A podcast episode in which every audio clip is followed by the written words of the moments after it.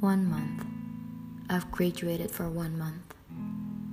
I hope this is a safe place to tell you everything that has been dancing around my mind. Truth be told, I don't know what I want in life. Sure, I want to be wealthy enough that I don't have to look at price tags before tucking those stuffs back to where they don't belong. But is being wealthy enough?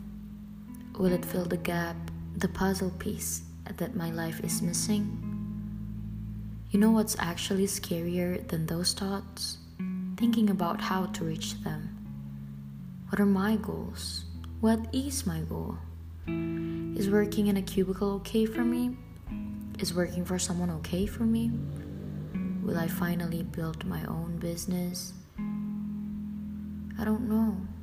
And I can't predict anything, and that sucks. But I guess that's just how life is. You know, you don't have to know where you're going, and it's okay to be confused